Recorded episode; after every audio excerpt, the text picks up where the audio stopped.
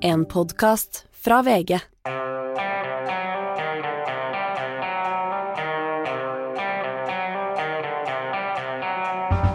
Ikke visste jeg at uh, alle disse dagene som kom og gikk, de var selve uke 24. En hard uke for oss i mediebobla, for det er så mye sommeravslutninger, Hanne. Ja, det er mange som syns det blir for mye av det. Jeg har vært på litt for få, jeg, kjenner jeg. Det ble jo ikke med resten av gruppa på de store festene. Nei, du har ikke vært med i det hele tatt? har vært på litt. Jeg var på Civita, og så var jeg på Oslo Freedom Forum. Jo, så jeg har vært. jo da, Du har vært på to. Ja. det var samme dag. ja, ja. Podkastavdelinga har hatt sin egen, uh, sin egen uh, sommeravslutning. Og så har jeg vært på uh, Agenda. Og så var jeg på Morgenblad og i det hele tatt. Så det er, det er veldig hardt, og vi skal snakke mer om dette økende samfunnsproblemet med altfor mange sommeravslutninger eh, litt tidligere i, eh, i sendinga. Eller senere i sendinga. Litt tidligere eller litt senere. Som du Det er fredag, Anders. Vi Det skylder er på det. fredag, og det var Morgenbladet i går, og er litt som i den, hvis du har lest Slaktehus 5 av, eh, av Kurt Follegutt, har du lest Eh, den? Det har jeg ikke. Nei, har du lest den? Mm, ja, jeg det har jeg gjort for lenge han, siden. eh, han hadde jo vært på en eller annen sånn planet, eller vært utsatt for noe sånt som gjorde at han ikke lenger levde lineært i sitt eget liv. Han hoppet fram og tilbake. Ja, han var en av mine favorittforfattere for ja. omtrent 40 år siden. Ja, ja. Det var ung mann. Står seg de, de bøkene der. Og det, det er det som har skjedd med meg, og jeg, jeg lever ikke sånn lineært og kjedelig som dere. Jeg, jeg hopper rundt i mitt eget liv og Men, men kan du komme tilbake til normaliteten, eller har vi nå for alltid mista deg, Anders? Nei, akkurat nå er jeg jo her, men samtidig så er jeg også i fremtiden og i fortiden og, overalt hele tiden. Eh, Siste Akkurat her, hvor vi er nå, så er det siste dag på, på Stortinget, eh, Hanne. Eh, hva syns du? Åssen har eh, sesjonene vært? Har de levert, de folkevalgte? Ja, nå vil jo alltid opposisjonen mene at det kommer altfor få saker fra regjeringen, og at de som kommer, kommer i en kjempesmell, veldig veldig mange, som gjør at de nå antagelig kommer til å sitte til langt på natt. Konverteringsterapi nå i, i dag? Nå, i- Ja. Som blir lagt fram nå i dag. Eh, nei, det har vel vært en ganske altså det, Sesjonen har selvfølgelig vært preget av eh, Ukraina-krig og inflasjon og masse strid rundt budsjettet, så regjeringa hadde feilberegna veldig prisstigning eh, og sånne ting. Sånn at eh, jeg vil si at det har vært en eh, litt mer dramatisk sesjon enn vanlig, men eh, det har vært så lenge det har Og mye om deres egne, deres egne Ja, ja. ordninger og ordninger og leiligheter og hele biten med Riksrevisjonen som har granska dem. Og så det har vært mye indremedisinsk, men jeg tror at veldig mange stortingsrepresentanter syns det har vært ganske vanskelig dette året. Ja. Så da er det dem vel unt da, å få ferie? En, Ja, en uke før skoleferien begynner? Ja, noen sier jo ikke sant, De samles jo der slutten av september, så noen sier jo de har så lang ferie. Men det å være politiker er jo på en måte en heltidsjobb. Noen har sikkert gode dager i sommer, men andre forbereder valgkamp, reiser rundt, møter folk. Så det er ikke Det er valgkamp, så det, det, er mye å, det er mye å gjøre. Det er helt øh, opplagt, det. Men det er, som du sier, også mulig å ta det rolig for den som øh, ikke er så ambisiøse. Ja, det er sant. Men det er klart, det å være folkevalgt, det er det jo det er mer enn bare å være på møte på Stortinget. Det er klart, du er jo politiker nesten hele tiden. Og du er jo valgt inn, som vi snakket om her øh, senest i går, du er jo valgt inn for ditt distrikt, egentlig mer enn for ditt parti. Og øh, det er en utmerket anledning til å dra hjem og gjøre sine hoser grønne i hjemdistriktet. Ja. Øystein Milli, velkommen. Takk, takk. Du var også på sommeravslutning i podkastavdelinga. Ja, Ja, men vi begynner å komme oss nå, for det er to dager siden. det hjelper. Det hjelper. Eh, du, eh, i går kom altså meldinga om at eh, Jan Helge Andersens sak skal opp for retten. Det er en helt unik situasjon i nok, norsk rettshistorie. Ja, det skjer ikke ofte at noen som har sona straffen sin eh, som de fikk den gangen, eh, får saken uh, gjenåpna, som det heter, til sin ugunst. Eh, så det, I det så ligger det at påtalemyndigheten mener at uh, han skal dømmes for noe mer, eller at den dommen han fikk, ja, var feil, og at man nå ønsker å tiltale ham da for, for drapet på Lena Sløgedal Paulsen. Og for å gjøre det, så må man jo da formelt gjenåpne saken. Uh, og da må man gå til kommisjonen, gjenopptakelseskommisjonen, og begjære da eh, en, en åpning til hans ugunst. Veldig mange av de sakene vi hører om i gjenopptakelseskommisjonen, blant annet Viggo Kristiansen sin sak, handler jo om at folk hevder at de er uskyldig dømt, og at dette er den sikkerhets- sikkerhetsventilen den veien, men den fungerer også da motsatt vei, eh, og det skjer nå. Og med det strafferammen på det han da tiltales for, så kan han da sitte nye 20 år i fengsel? Nei. Eh, så lenge man holder seg til fengselsstraffen, så er det en maksstraff i Norge på 21 år. Dette er det samme forholdet. eh, Ja, er det det? Det er ja, det er det. Det regnes ja. som det. Ja.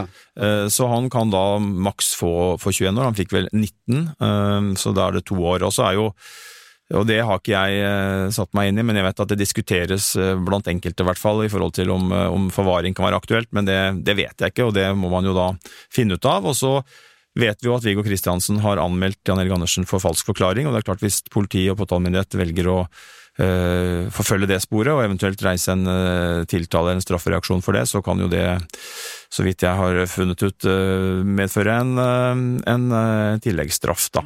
For det blir jo kanskje Men dette tror, jeg, dette tror jeg man sitter og Altså, det er nok mange ubesvarte spørsmål her i forhold til hva, veien vi Altså noen ubesvarte spørsmål, for det er jo, som du sier, en unik situasjon, og men, men, det som nok er helt klart, er at det blir en ny rettssak mot Dan Egil Andersen. Påtalemyndigheten har ikke gått til kommisjonen bare sånn uh, de har ikke lagt seg på det laveste de kan av uh, det hinderet for å for, altså, Man kan jo si at det er sannsynlighetsovervekt, eller at det er en ganske lav terskel, da, lavere enn dom, for å gjenåpne en sak, men jeg tror påtalemyndigheten har gjort en grundig vurdering, og at i den gjenåpningsbegjæringa så ligger det at de kommer til å ta ut tiltale og gå til retten for å be om at Andersen skal dømmes da for det andre drapet.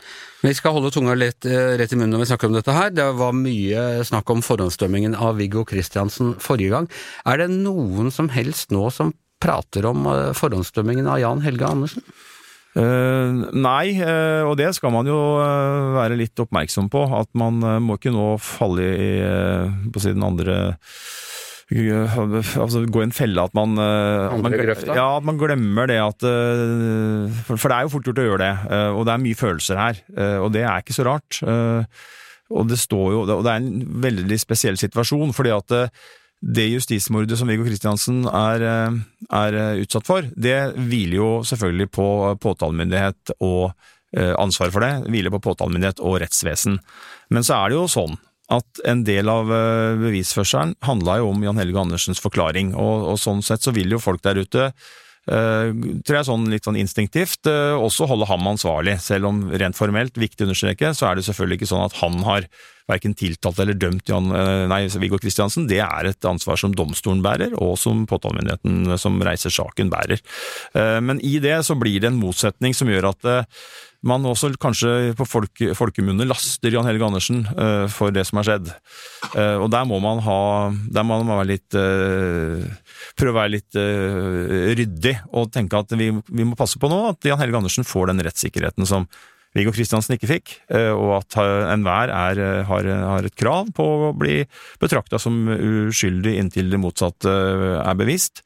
Og det er viktig, viktig, å ha med i denne settingen. Og hvis han da skulle, som jo selvfølgelig er teknisk mulig, bli frikjent?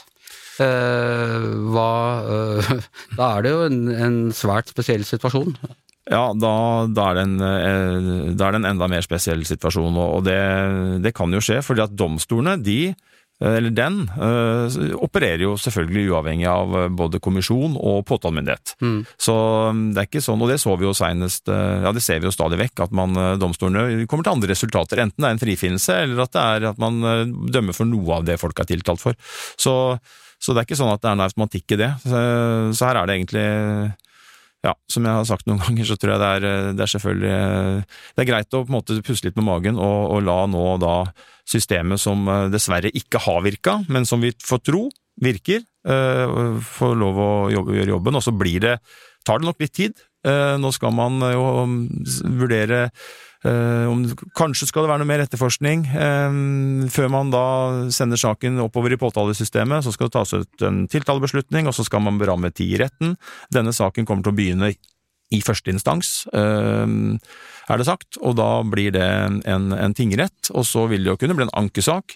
Så hvis man skal tenke når kan vi få et punktum, i den forstand dette kan være et punktum i Baneheia-saken, så vil jo det ligge Eh, et år pluss, eh, kanskje to år eh, frem i tid, tror jeg. Ok, og Dere har laget en egen spesialutgave eller bonusutgave av Krimpodden i dag? Det har vi, og i tillegg så har vi akkurat publisert en oppsummerende episode for vårsesongen 2023, og der var Bjørn Olav Jahr vår gjest. så da har vi også snakka om Baneheia-saken. Mannen som fikk, fikk, satt denne saken på dagsordenen ja, igjen. Så der har vi også snakka om denne saken. Ja. Ok, det er hardere tider, det har de fleste fått med seg. Prisene stiger og lønna blir for kort. Det er flere og flere som undrer seg i AS Plastkomfort. Vet du hvor jeg har det fra, Hanne? Det er nok en gammel sang, hvis jeg kjenner det rett. Ja, det er en, den er ikke helt ny. Nei, det er Vømmøl spellemannslag. Selvfølgelig. Ja, eh, men det er også en god situasjonsbeskrivelse i, eh, her i dag. Men her i Norge så har vi jo spart til en regnværsdag, smarte og kloke og kløktige som vi nordmenn er. Eh, dessuten har vi eh, hatt godt utbytte av eh, oljeproduksjonen vår. Men i en rekke andre land i verden, altså alle land, og vi, eh, Sindre, helt fram til, eh, helt fram til begynnelsen av 90-tallet, opererte jo med ganske stor statsgjeld. Og den har steget og steget og steget, og vi så akkurat at det holdt på å bli en politisk krise i USA fordi de ikke fant politisk enighet om hvordan de skulle håndtere statsgjelden, eller om den kunne økes, og, og det har vært problemer i en rekke andre land også. Ja, virkelig. Og eh, veldig mange land i verden bygget seg jo opp enda mye mer gjeld under pandemien. For vi skulle jo støtte eh, vanlige folk eh, når, eh, når helsekrisa rammet. Så ble det pumpet ut penger. Og så eh, har det bare fortsatt nå. ikke sant? Nå står vi i dyrtiden.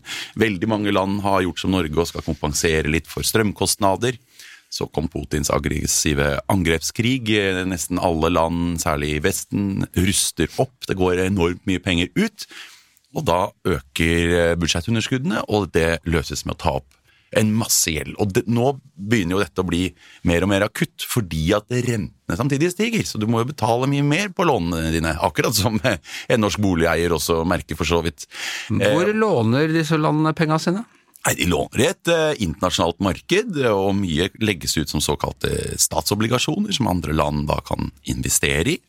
Eh, men det begynner å bli utfordringer med dette, her, og som du var inne på her, det begynner å poppe opp eh, eh, kriser. Vi hadde jo krisen i Storbritannia i fjor høst, hvor Liz Truss, som ikke overlevde lenger enn et salathode, forsøkte seg på eh, et budsjettforslag som var så uansvarlig at investorene så at her ville gjelden til Storbritannia bli altfor stor. og Da kollapset jo pundet, og markedene falt, og britiske pensjonsfond eh, vaklet. Så trakk man det forslaget.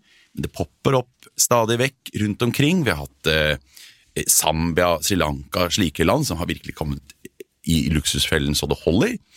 Men eh, Frankrike eh, seiler opp snart til å, å ha eh, gjeldsbetaling som sin største budsjettpost. Det kan lett komme nye statsfinansielle kriser, både langt unna oss og svært nærme oss. Ja, og det jo, minner jo litt om eurokrisen etter finanskrisen i 2008, hvor jo statene tok over veldig mye av forpliktelsene fra bankene. Så det man sa den gangen var jo at det Som vi så i Norge på tidlig 90-tall òg, hvor eh, alle, alle disse bankkollapsene. ja, men Forskjellen var jo at Norge kjøpte jo, nulla ut aksjene på bankene og tok over. Så vi fikk, som borgere fikk vi på en måte en del av det. Men, men i, altså, som Hellas havna jo i kjempetrøbbel etter det. hvor eh, privatiserte, Man privatiserte regninga i den forstand at skattebetaleren fikk regninga, mens bankene fortsatte å tjene penger, som mange opplever som urettferdig. Og nå er vi igjen i situasjonen hvor statene har veldig stor gjeld, og det er kjempetrøbbel. Man skal investere mer i forsvar alle sammen. Ukraina kommer til å koste mye penger for alle. Det er, utgiftene bare baller på seg, og statene har, de aller færreste har et oljefond som det vi har. Og det borger ikke for noe særlig sånn øh, Det blir ikke så hyggelig stemning, øh, som du var inne på. Det blir altså opprør i gatene, sultne mennesker, øh, sånne ting. Det er ikke noe bra for demokratiet. Nei, virkelig ikke. Og eh, det ene er jo da finansiell stabilitet, som kan bli veldig utfordret av så mye gjeld. Og så er det da sosial stabilitet. Det blir jo lett da eh, opprør i gatene og branner og gule vester eh, av det. En liten bra ting er jo at eh, fordi inflasjonen er så bra nå, så har den spist vekk litt gjeld i det siste. Så den, er- den er litt lavere sånn jevnt over nå enn midt under pandemien, men den er fortsatt mye høyere enn før pandemien. Og vi ser jo at det er så mange land som har kjempeutfordringer. Og hvordan skal mange av nabolandene til Russland, Ukraina f.eks. klare seg? Mange av de begynner å toppe listen over de som tar opp mest gjeld, fordi de må væpne seg til tennene. Og det er klart at Når stater med stor statsgjeld må betale renter til et mye høyere rentenivå, så må de kutte andre steder i type velferd, sosiale ordninger. Og hvis det blir en krise i Europa, så vil det smitte over på Norge òg, selvfølgelig. Fins det noen mildere løsning på dette? Kan et eller annet skje uh, som gjør at uh, ting går over? Ja, det er jo Det meste, altså, meste sykdom rent medisinsk er ellers lest går over av seg selv. ja. Eller man dør. Ja. Eller man dør, ja. Du kan jo, altså, du kan jo få politikere som er eh, veldig ansvarlige også, og virkelig eh, vri litt på det. En annen ting som skal koste veldig mye penger, er det grønne skiftet. Nå er det mye fokus på subsidier etter USAs pakker og sånn, men det går jo også an å f.eks. skattlegge mer karbonutslipp. Da bruker du ikke så mye penger over budsjettet. Og Finland er et lite lyspunkt på en måte. Altså, vi ble alle godt kjent med Sanna Marin, eh, som var statsminister, men hun tapte jo valget delvis fordi eh, finnene var så bekymret for all gjelda. Opposisjonen på høyresiden gikk jo virkelig til valgkamp og sa at vi skal kutte. Vi skal kutte, for den gjelda er ikke bærekraftig. Og finnene tok den, altså.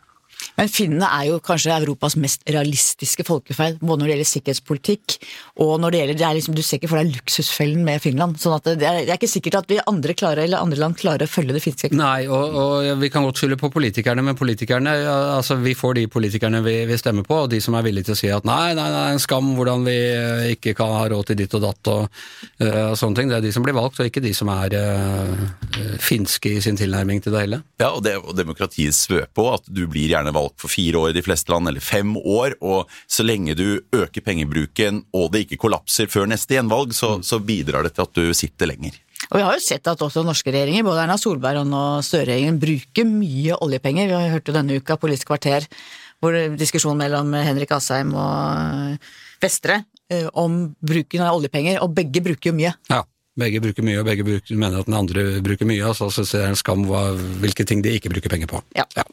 Ok, det er en uh, utfordring uh, dette her, men foreløpig altså, Norge har penger på bok. Men vi har veldig, veldig høy privatgjeld. Det må du ikke glemme. Nei. Eh, det er Noe annet vi har snakket mye om denne uka, er selvfølgelig Donald Trump. eh, Satt en ny historisk rekord ved å være første president som eh, som stilles for retten i, eh, og må møte i eh, retten, eh, og, mens han samtidig også stiller eh, til eh, valg. Nå har dessverre Yngve Kvistad er ikke her for tiden, for det har skjedd parallelt en helt annen sak, men vi har kanskje kjenningsmelodien her, selv om Yngve ikke er her, eh,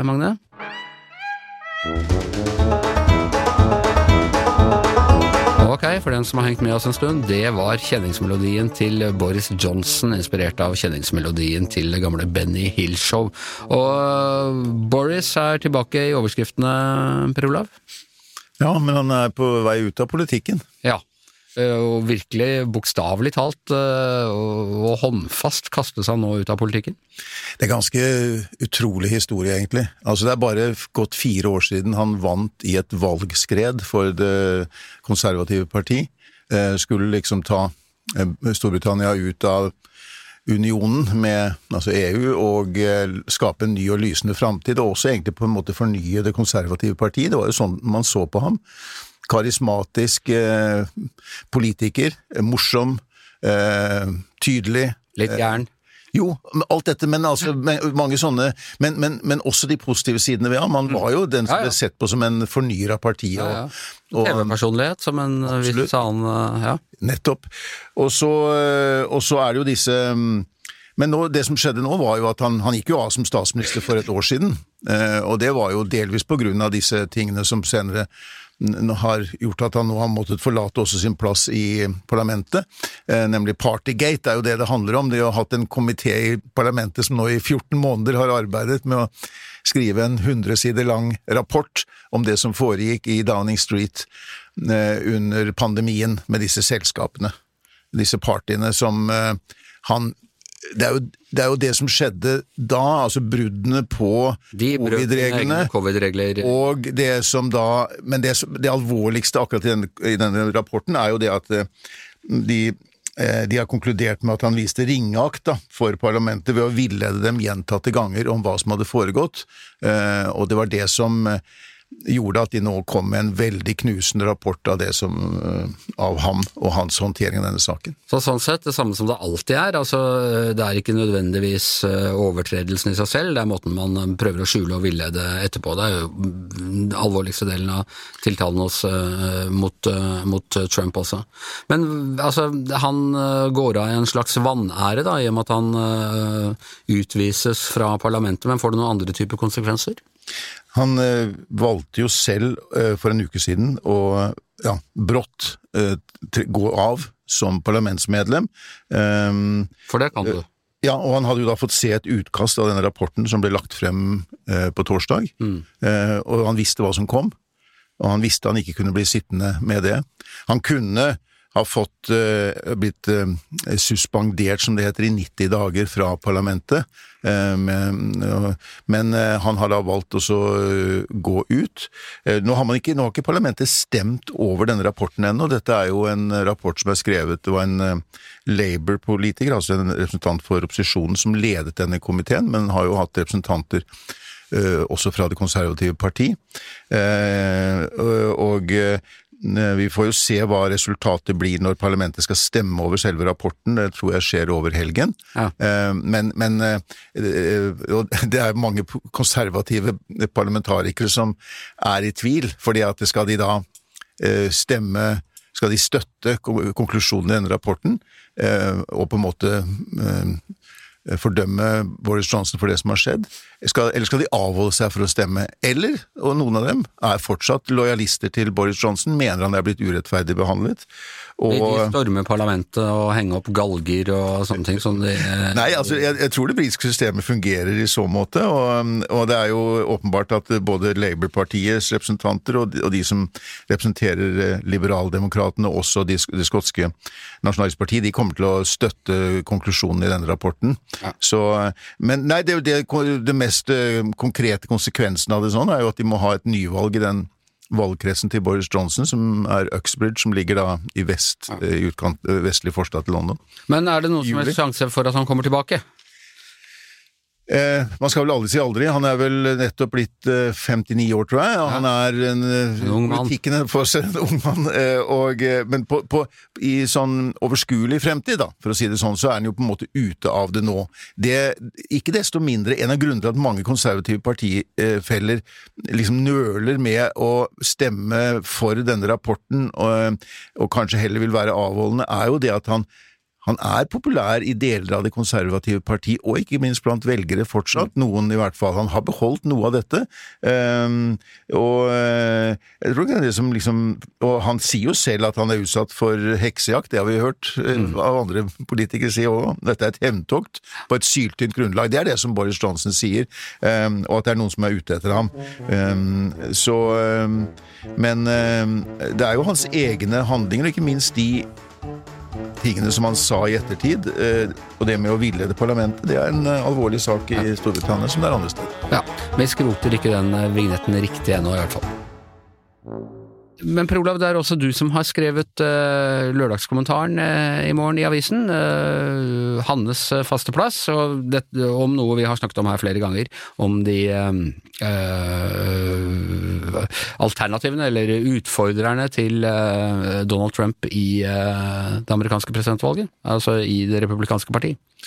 Ja, vi har liksom begynt å tenke på at det er uunngåelig at det blir en reprise på eh, valget i 2000, at det blir Trump mot eh, Biden igjen. Ja. Eh, Men det er jo ikke sikkert at det blir slik. Det er jo veldig lenge igjen til november eh, 2024, og mye kan, veldig mye kan skje før den tid. Og det er jo nå, tror jeg det er elleve kandidater på republikansk side som utfordrer ham. Det er to på demokratisk side som utfordrer Biden. Ja.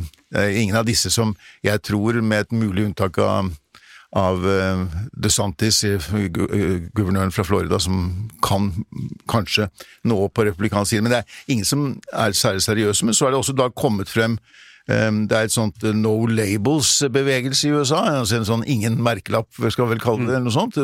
En sånn politisk organisasjon som forsøker å finne kandidater, sentrumskandidater, som kan utfordre det tradisjonelle partimønsteret i USA, og også kanskje stille med en tredje kandidat, og allerede samlet inn veldig mye penger for å prøve å finne en eh, de sier det er en, forsikrings, eh, en forsikringsplan de har, i tilfelle begge de to kandidatene stiller med kandidater som det store flertallet ikke, amerikanere ikke ønsker. Ja.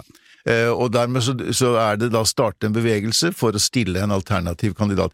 Og det mest spennende med det er jo hvem de ødelegger for. Ødelegger de for eh, republikanerne eller for demokratene? For valgt blir jo ikke dessverre no label. For. De gjør jo ikke det, men de har jo ved noen tilfeller, som vi vet opp gjennom historien, hatt avgjørende øh, øh, Ødeleggende. av utfallet. Ja, ja. Ralph Nader, mest berømte. Men i dette tilfellet, hvis de stiller med en liberal, eller, en, eller ikke nødvendigvis liberal, men en moderat sentrumspolitiker, så tror jeg det er et mye, mye større problem for Joe Biden siden enn det er for eh, Donald Trump. Ja, folk kan si hva du vil om eh, Donald Trump, men han konkurrerer ikke akkurat med moderate sentrumspolitikere. Ok, Hanne, eh, men du skriver likevel, selv om du ikke er på paradeplassen i morgen? Ja, jeg synes, skriver noe som jeg syns er litt smalere. Jeg syns Ja. at amerikansk politikk er bredere, så det får paradeplassen. Men jeg skriver om narkotikapolitikk. Ja. Og det er en oppfølging på en uh, kommentar du tidligere har hatt på paradeplassen. Ja. Om uh, hvor jeg har vært eh, hvor jeg har uttrykt meg veldig kritisk til eh, det forslaget til rusreform som ble nedstemt, for det var altfor radikalt. Ja. Samtidig som jeg jo alltid har forsvart en, en mer liberal narkotikapolitikk enn den Norge har hatt gjennom alle tiår.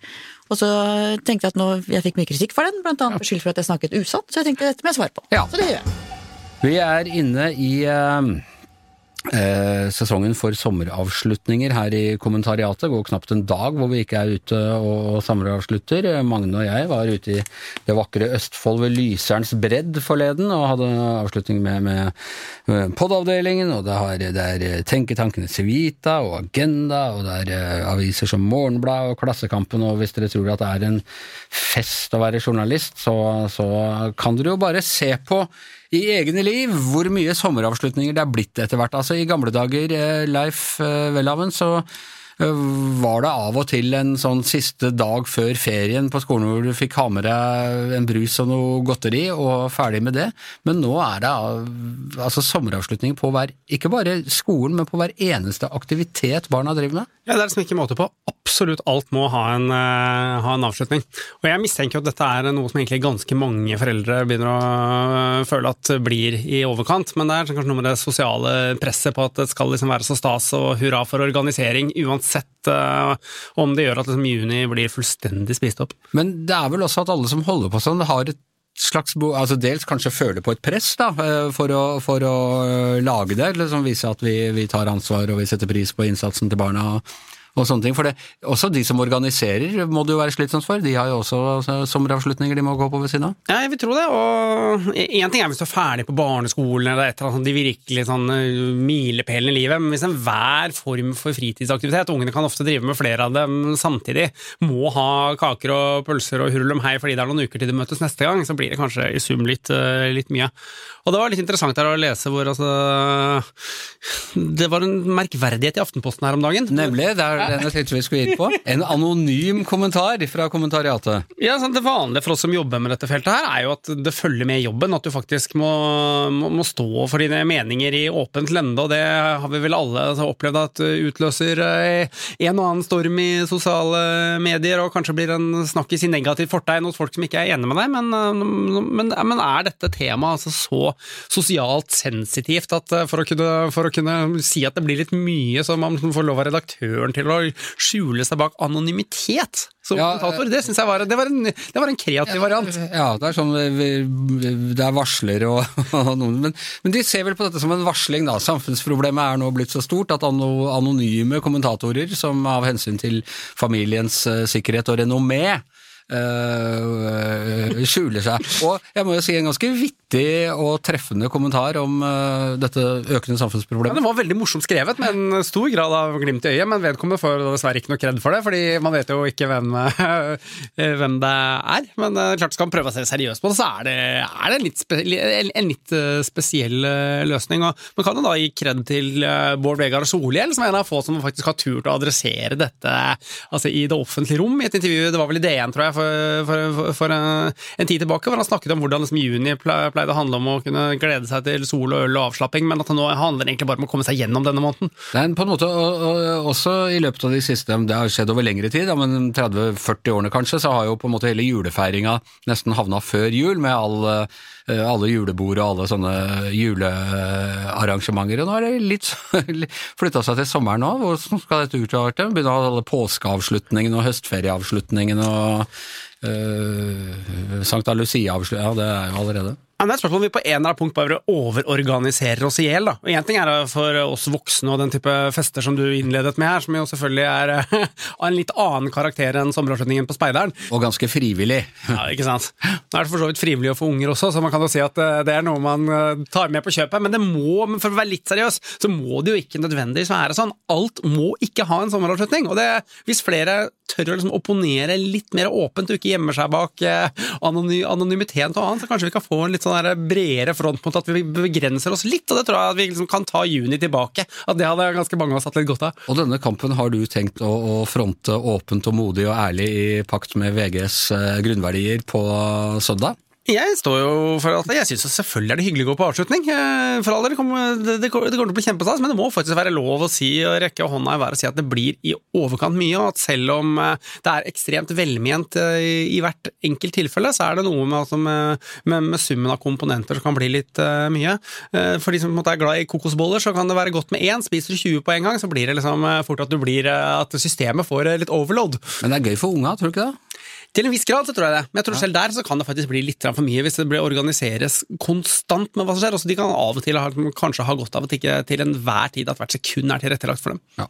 Ok, eh, Leif Welhaven tør der eh, Aftenpostens eh, kommentatorer gjemmer seg bak et slør. Les ham på søndag i VG. Ok, så det er eh, nok eh, å høre på. Følg også med nyhetsbildet på, i VG i morgen. Da kommer en sak eh, antagelig som også vil ha en, eh, en podkast fra podkastavdelingen knyttet til seg. Vi kan ikke si så mye mer om det eh, akkurat nå. Og som om ikke det er nok, så har du podkasten din, Hanne. Ja. Jeg har hatt besøk av Beate Gangås, PST-sjefen, som har fått en superheavy rapport mot eh, seg og sin organisasjon. Særlig mot PST sin organisasjon eh, etter 25. juni-terroren. Ja. Pride-terroren. Ja. Eh, så vi snakker mye om det. sier du da? Her var det mange læringspunkter. Ja, nei, Vi snakker mye annet om denne solidaritetsmarkeringen som ble avlyst mot hennes vilje to dager etter terroren på Rådhusplassen. Hvor hun fortsatt står fast på at den burde vært avholdt. Det er jeg helt enig i. Ja. Og rapporten sier at det er brudd på menneskerettighetene, forsamlingsfrihet, ytringsfrihet, at den ble avlyst. Ja, men vi vet jo også at det, dette var mens politiet ikke engang hadde liksom klart å få med seg de helt opplagte truslene mot det, så at de hadde litt panikk da, var kanskje ikke så rart. Nei, men det hun sier som jeg synes argumenterer godt for, er at dette var et såkalt statisk arrangement på en fastsatt plass. Så, så også med et dramatisk trusselbilde, så er det tryggere å ha det der enn det som ville komme av spontane eh, aksjoner rundt om i byen som politiet ikke hadde noe styring på. Ja, ok, det blir spennende å høre den. Og med det så er Giæver og gjengen over for i dag. Tusen takk til Hanne Skartveit, Per Olav Ødegaard, Leif Welhaven, Sindre Heierdal, Øystein Mille. Jeg heter Anders Giæver, og mannen som er en hel sommerfest i seg selv, er som alltid vår eh, produsent Magne Antonsen.